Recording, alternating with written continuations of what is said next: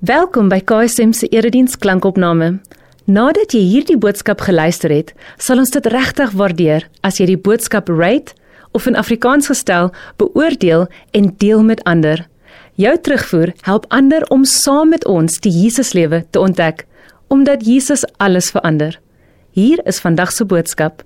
Hemelse Vader, dankie dat ons hier kan stil word vandag. Here waar ons ehm um, herinner kan word oor hoe ons geloof, dit waarin ons glo, Here vir ons hoop bring. Here, dankie dat ons die stikkenis voor U kan bring. Here dit vir my en vir almal wat hierna luister, Here wat sê ons het ons het nodig, Here dat U ons kom heel maak. Here dat ons eintlik stikkend is in ons lewe. Here en U is die een wat ons kom heel maak, wat ons saambring, Vader. Here ek wil vra dat U iets nuut in ons lewens in ons harte sal oopbreek wanneer ons hierdie teks lees vandag, Here. Um Here dat ons iets nuuts van U sal ontdek. Here ons kom bid vir vir almal Here wat dit nodig het om te hoor dat U die geneesheer is. Here dat ons kan weet Here dat U is by ons. Here dankie vir die spesiale tyd ook in die kerkkalender waar ons fees kan vier. Here dat U vir ons hierdie boodskap bring. Here ons loof U en ons prys U in die naam van Jesus Christus. Die teks wat ek vandag wil by stil staan is een van die tekste as jy in die kerk groot geword het, jy 10 teen 1 al 100 keer gehoor het op verskillende maniere en verskillende interpretasies.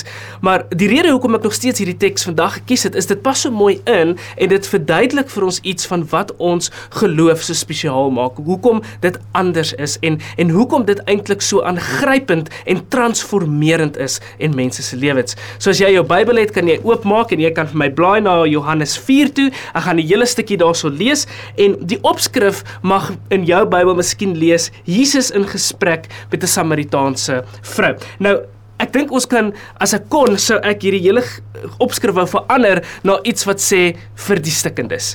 En die rede hoekom ek dit so wil sê is wanneer ons hierdie hele teks gelees het en wat jy nou gaan sien is die resultaat, die eindpunt, die eindproduk van wat hierdie boodskap aan mense se lewens maak. So volg saam met my in Johannes 4 vers 1 tot 39. Ek lees uit die Nuwe Lewende Vertaling. Jesus het uitgevind dat die Fariseërs gehoor het dat hy meer disippels werf en doop as Johannes. Jesus het nie eintlik self gedoop nie, maar sy disippels. Dis het hy Judea verlaat en weer na Galilea toe vertrek. Hy moes deur Samaria reis. Hy kom toe in die dorp Samaria aan eh, van Sigar wat Sigar genoem word. Dit was naby die stuk grond wat Jakob aan die seun Josef gegee het. Die put van Jakob was daar geleë. Jesus het toe, omdat hy regtig uitgeput was van die reis, sommer by die put gaan sit. Dit was omtrent 12 uur die middag. 'n Samaritaanse vrou kom toe daaraan om water te skep. Jesus vra vir haar: "Gee vir my asseblief water om te drink." Sy disippels was toe nog in die dorp om kos te koop. Die Samaritaanse vrou sê toe vir hom: "Hoe op aarde vra jy wat 'n Jood is vir my 'n Samaritaanse wat 'n Samaritaanse vrou is water om te drink?" Jode wou wou immers niks met Samaritane te doen hê nie. Jesus het daarop reageer: "As jy maar net hierdie gawe van God vir jou geken het en geweet het wie dit is wat vir jou vra, gee vir my water om te drink. Sou jy hom gevra het uh en hy sou vir jou lewende water gegee het om te drink." Die vrou sê vir Jesus: "Meneer, jy het nie eers 'n skepting nie en die put is diep. Waar kry jy die lewende water?" Jy is beslis nie belangriker as ons vader Jakob wat hierdie put vir ons gegee het en self saam met sy seuns en die diere daaruit gedrink het nie. Jesus antwoord haar: Elkeen wat van hierdie water drink, sal weer dors word. Wie egter van die water drink wat ek hom gee, sal nimmer as nooit weer dors word nie. Die water wat ek vir hom sal gee, sal 'n fontein in hom word waarvan die water vir altyd sal op bly opborrel.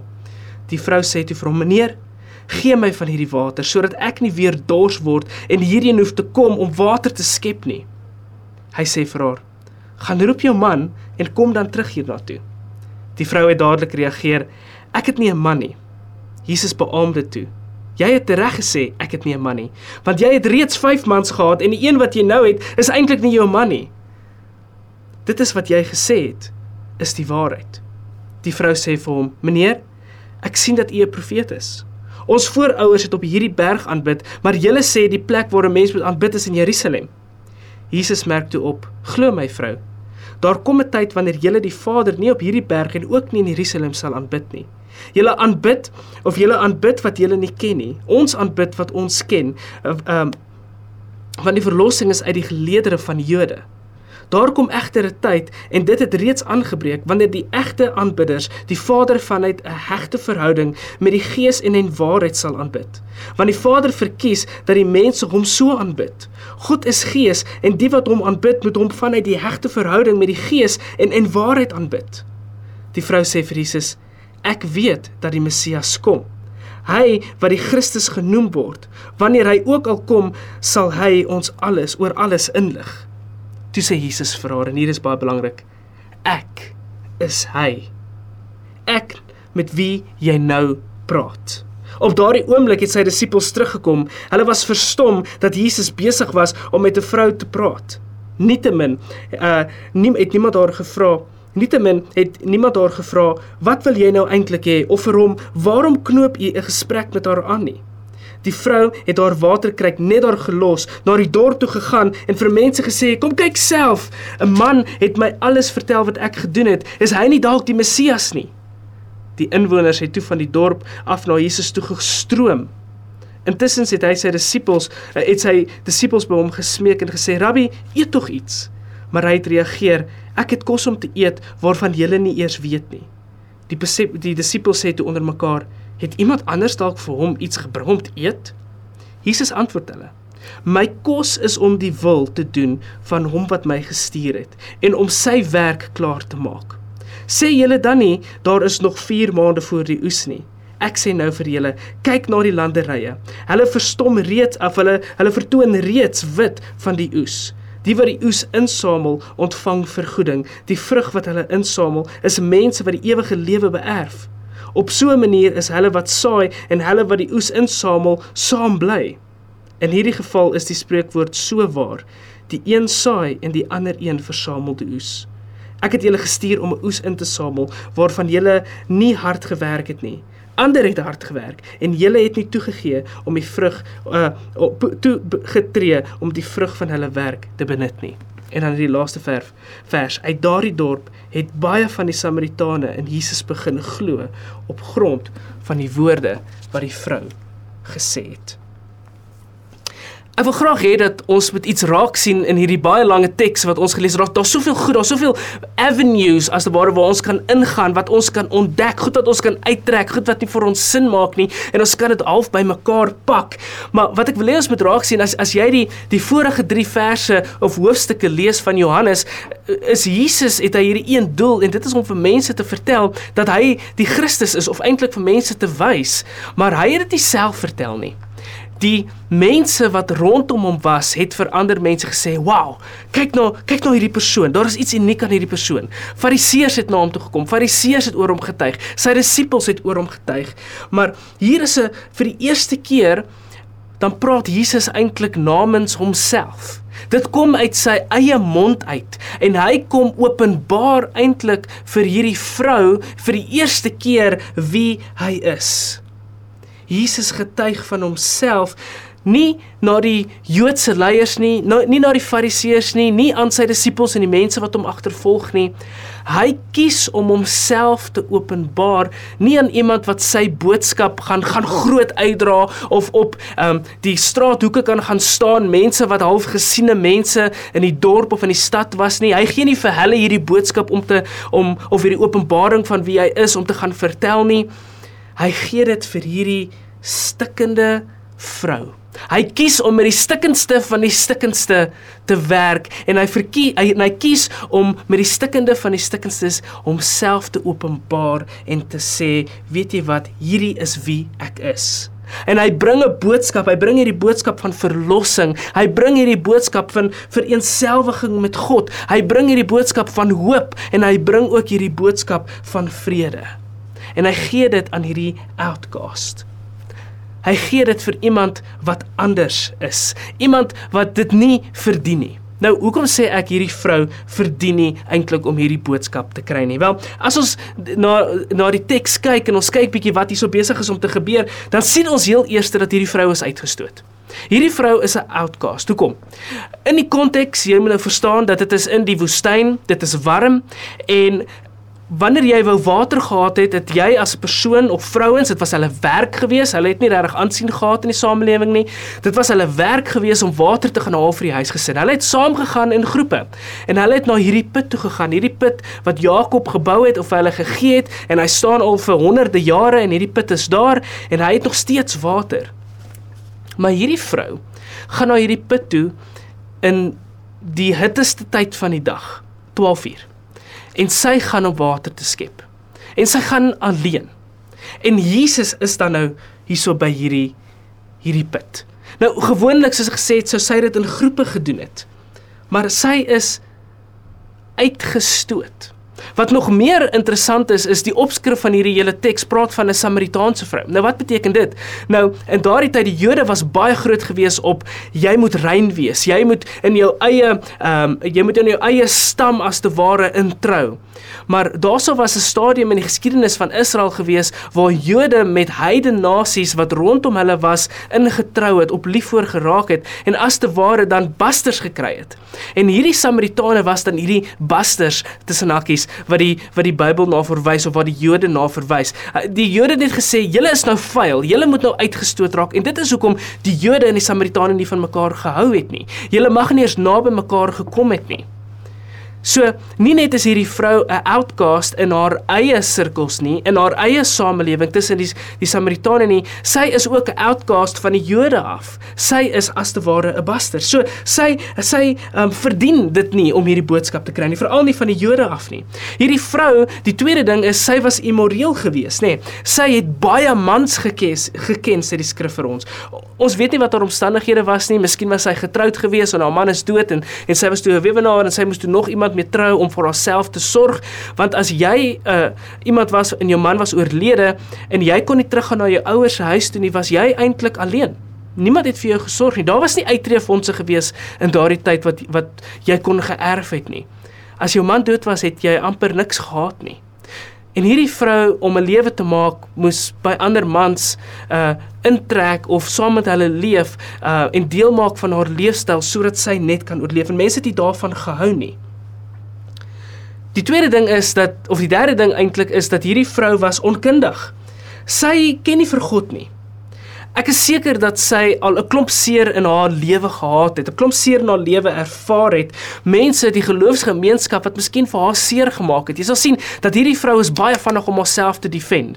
Soek jy water, waar is jou skepting? Ek gee vir jou lewende water, waar gaan jy hierdie water kry? En aan die oomblik wanneer sy agterkom dat hierdie Jesus is dalk 'n profeet, dan sê sy: "O, o, jy het gesê ons moet daar of die Jode sê ons moet daar aanbid, maar ons aanbid hier." Jy weet wat is fout hiermee? So so omdat hierdie vrou so tipe van 'n outcast is, was sy geloof gewoon daaraan om haarself te verdedig aan al hierdie goeters wat haar na haar kant toe kom. En sy het nie van God geken in hierdie hele punt nie. Sy het gevoel dat sy is half op haar eie sy die volgende ding is dat hierdie vrou het ook nie was ook nie op soek na Jesus gewees nie. Net in die vorige hoofstuk, hoofstuk 3, dan is Nikodemus 'n Fariseer, dan kom hy na Jesus toe.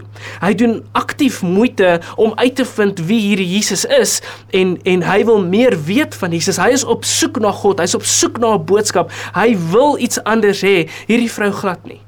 Sy is is is, is nie op soek na Jesus nie. Sy gaan net aan met haar lewe. Sy wil nie regtig, sy's glad nie daarop uit om vir God te ontdek nie of om vir Jesus te ontdek nie.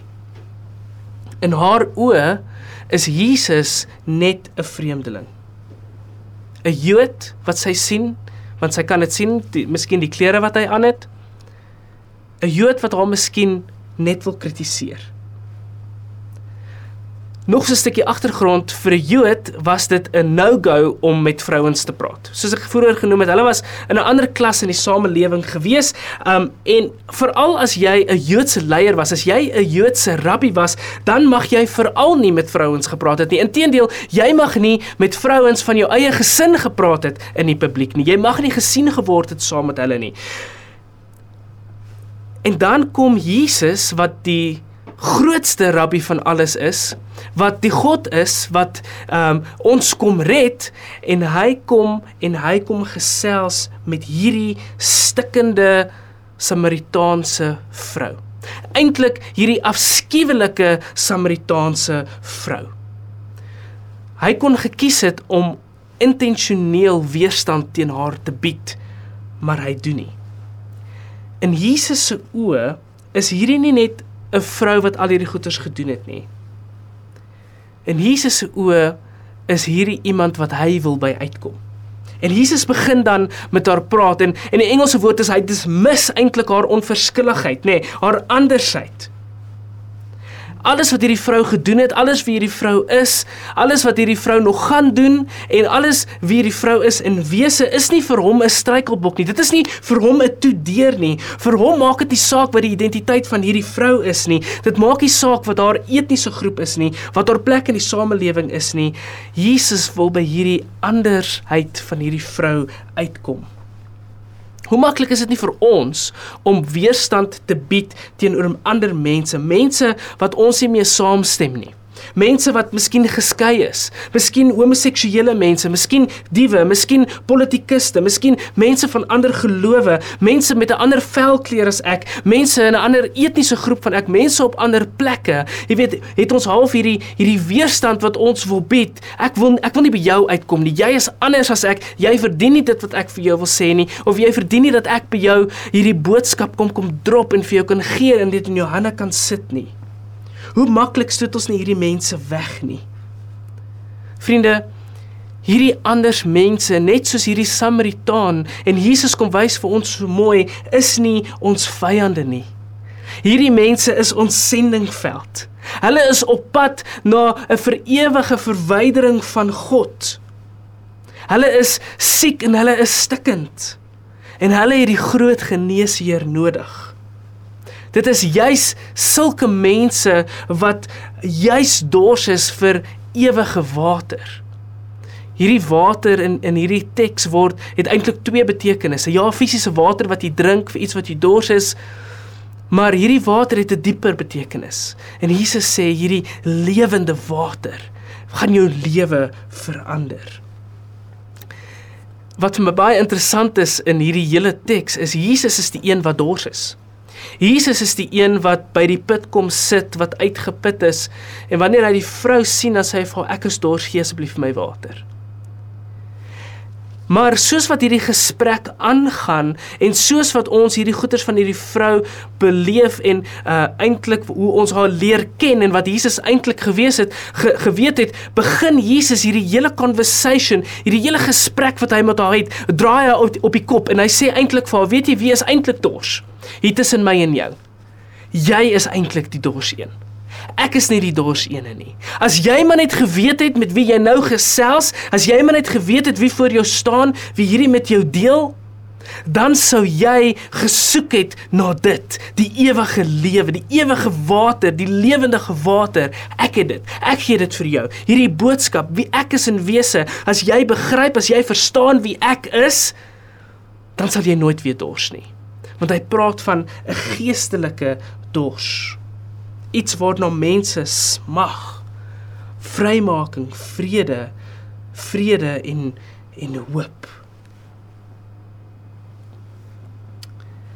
Hy sê vir haar dat as jy van hierdie water, hierdie lewendige water drink wat ek het, hierdie boodskap, as jy as jy verstaan wat ek vir jou doen en wie ek vir jou is, wanneer jy in verhouding met my is, gaan jy vir ewig versadig wees. Dit gaan nie nodig wees dat jy 'n klomp goed hoef te doen om jouself te vervul nie. Jy sien as ek nie deel is van jou lewe nie, gaan jy 'n klomp goed doen in jou lewe om jouself vol te maak, om te vervul en jy gaan heeltyd leeg voel. Maar Jesus sê vir haar, hierdie lewendige water, hierdie boodskap, hierdie evangelie, hierdie dit wat ek nou vir jou gee, dit wie ek is, dit gaan jou vir ewig versadig. En dit is hoekom sy opgewonde is oor hierdie water, maar sy kyk op 'n ander manier na hierdie water. Wios, ek hoef nie in die warm son elke dag hiernatoe te kom in die outcast van mense nie. Ek gaan nooit weer dors wees nie. En Jesus sê vir haar op 'n ander manier, 'n hele ander plek, jy sal geestelik vol wees en jy gaan geen behoefte hê om op 'n ander manier gevul te word nie, want as ek jou vul, is dit genoeg. Hierdie is 'n 'n boodskap van hoop. 'n boodskap vir verlossing vir gebrokenes, die verlorenes, die wat seer is, die wat hopeloos is, die die krepeles, die sondaars, die die goeie mense, die slegte mense, die jonges, die oues, die kinders, die ouers, die enkellopendes, die die geskeides, die die oupas, die oumas. En ons het hierdie boodskap, vriende, in ons hand. So 'n paar weke terug toe ons die Kersangdiens gehou het, het ek iets daarvan beleef. Ek was agter in die gebou gewees en ons het hierdie ongelooflike liedere gesing en ek kon mense dophou en ek sien hoe hoe hulle glimlagte op hulle gesigte het. Ek kan sien hoe mense hier wil wees wat hulle net wil sing van hierdie wonderlike boodskap wat hulle het, wat ons het, wat ons in hierdie kerk kan beleef, wat in ons harte leef. Ons het hierdie wonderlike boodskap in ons hand. Dis hierso en dit loop oor soos lewende water en ons het dit hier by ons. En ons is so opgewonde daaroor. En dit is hoekom ons hierdie Kerstyd vier, want ons het dit en dit bring vrede, vreugde en hoop. En soos ek dit sien, gebeur daar iets in my gedagtes. En ek dink by myself, ek wonder hoe sal dit lyk as ons hierdie boodskap wat ons nou het, wat ons beleef in hierdie kerkgebou en hierdie boodskap wat ons het wanneer ons sing tot God en wanneer ons hierdie hoop beleef, Hoe sal dit lyk as ons dit vir die wêreld gee?